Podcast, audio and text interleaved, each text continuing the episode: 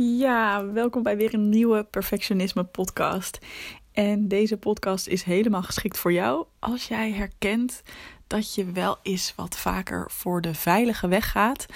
Ehm, dat je vaak keuzes maakt waarvan je zeker weet dat het je wel zal lukken, omdat je eigenlijk gewoon heel bang bent om stappen te zetten in de richting van spannendere dingen. En van dingen waarvan je nog niet precies weet hoe het gaat lopen. Terwijl het misschien eigenlijk wel dingen zijn die je nog liever zou doen dan wat je nu doet. Denk aan het uh, op zoek gaan naar echt een droombaan. Of uh, denk aan voor jezelf beginnen.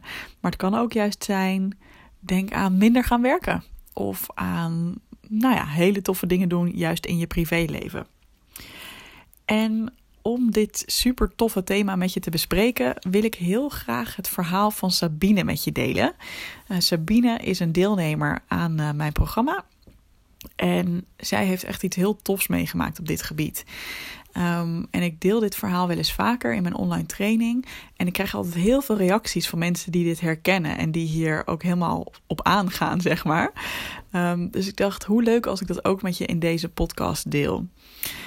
En even als achtergrond um, hoe ik Sabine zeg maar leerde kennen binnen het programma althans, um, is dat zij uh, een bepaalde functie had waar ze al een uh, aantal jaar in zat. En ze merkte van, ja, het is nog wel oké, maar het sluit niet helemaal meer aan op wat ik graag zou willen leren en wat voor uitdaging erin zit. Maar uh, een tijd lang heeft ze besloten om gewoon nog door te gaan in die functie. Omdat ze ook dacht, nou, ik doe het nog lang niet perfect. Dus uh, ik kan nog uh, in die zin genoeg leren. Maar op een gegeven moment begon het wel echt te kriebelen en is ze verder gaan kijken. Um, en op een gegeven moment kwam ze eigenlijk het was heel bijzonder, kwamen er twee opties op haar pad. En ik ga beide opties met je bespreken. En dan ben ik heel benieuwd, als jij dit hoort, waar denk jij dat Sabine voor gegaan is? Uh, wetend dat Sabine ook iemand was die het graag wel goed wilde kunnen. En die graag wel, uh, ja, misschien ook wel iets van die zekerheid had van: oh ja, ga ik dit aankunnen of niet? Dat, dat was ze althans voordat ze meedeed aan het programma.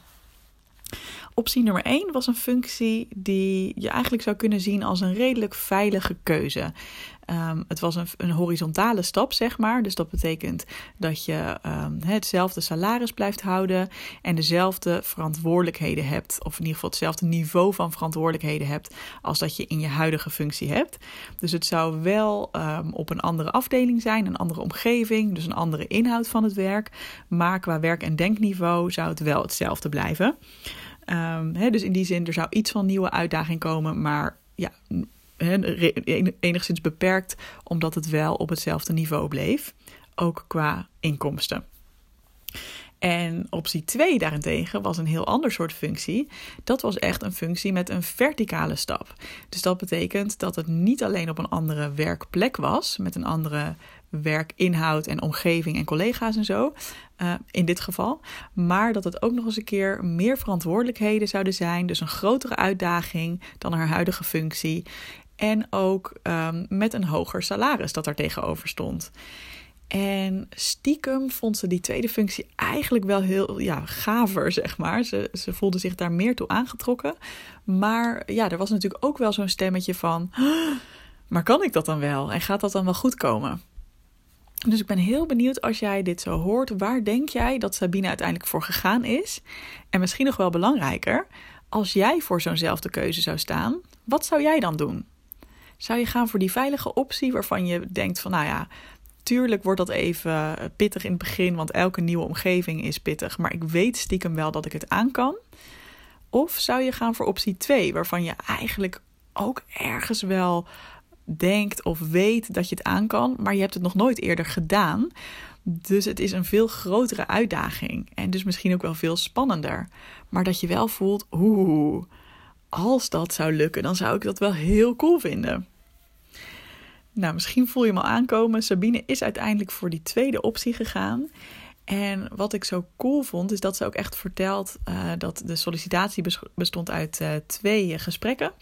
En het tweede gesprek bestond eigenlijk puur uit het reflecteren op hoe het eerste gesprek gegaan was.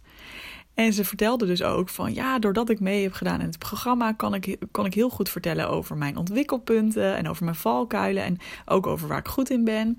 Um, en daardoor kon ik ook heel relaxed reageren op die vraag van die manager: van hè, vertel eens hoe ging het vorige gesprek en wat zag je zelf?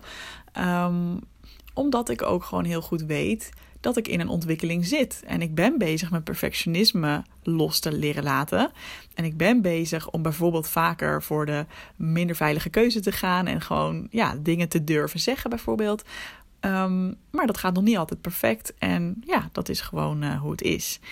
En daardoor zei die manager gewoon tegen haar: Dat wou ik even van je horen. Gefeliciteerd, je hebt een nieuwe functie.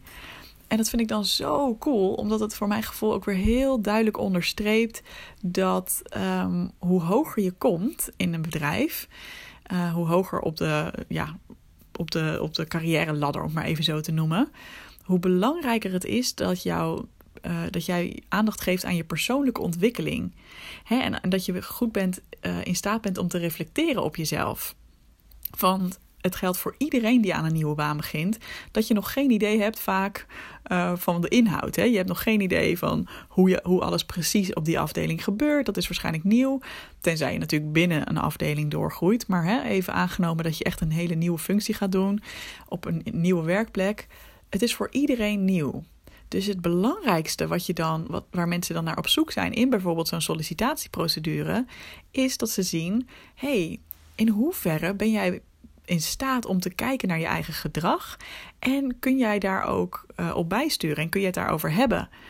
En dat vind ik echt super cool. En ja, Sabine zei ook zelfs van: ja, doordat ik mee heb gedaan aan dit programma, is dit me echt gelukt. Want anders had ik het misschien niet eens aangedurfd, deze stap. Um, en daardoor kon ik het ook zo goed over hebben. Terwijl ik gewoon denk, ja, je hebt het gewoon zelf helemaal gedaan. Weet je wel, jij hebt die stap durven zetten. Jij hebt die spannende keuze durven maken. En het lukt jou om te reflecteren op jezelf. Dus ik ben natuurlijk gewoon heel trots op haar. Um, natuurlijk is dit ook een beetje sluikreclame voor mijn programma. Maar dat begrijp je. Deze podcast is natuurlijk één grote sluikreclame. Um, maar ik hoop ook dat je er zelf uh, iets uithaalt. Dat je er ook wat aan hebt van ja, inderdaad. Dus ik heb ook um, wel een, een vraag aan jou van...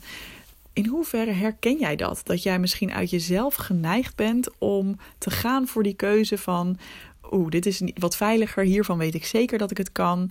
Dus dan uh, hou ik het daar maar bij. Uh, of durf jij ook echt af en toe stappen te zetten waarvan je denkt: Oeh, spannend, geen idee hoe het gaat lukken.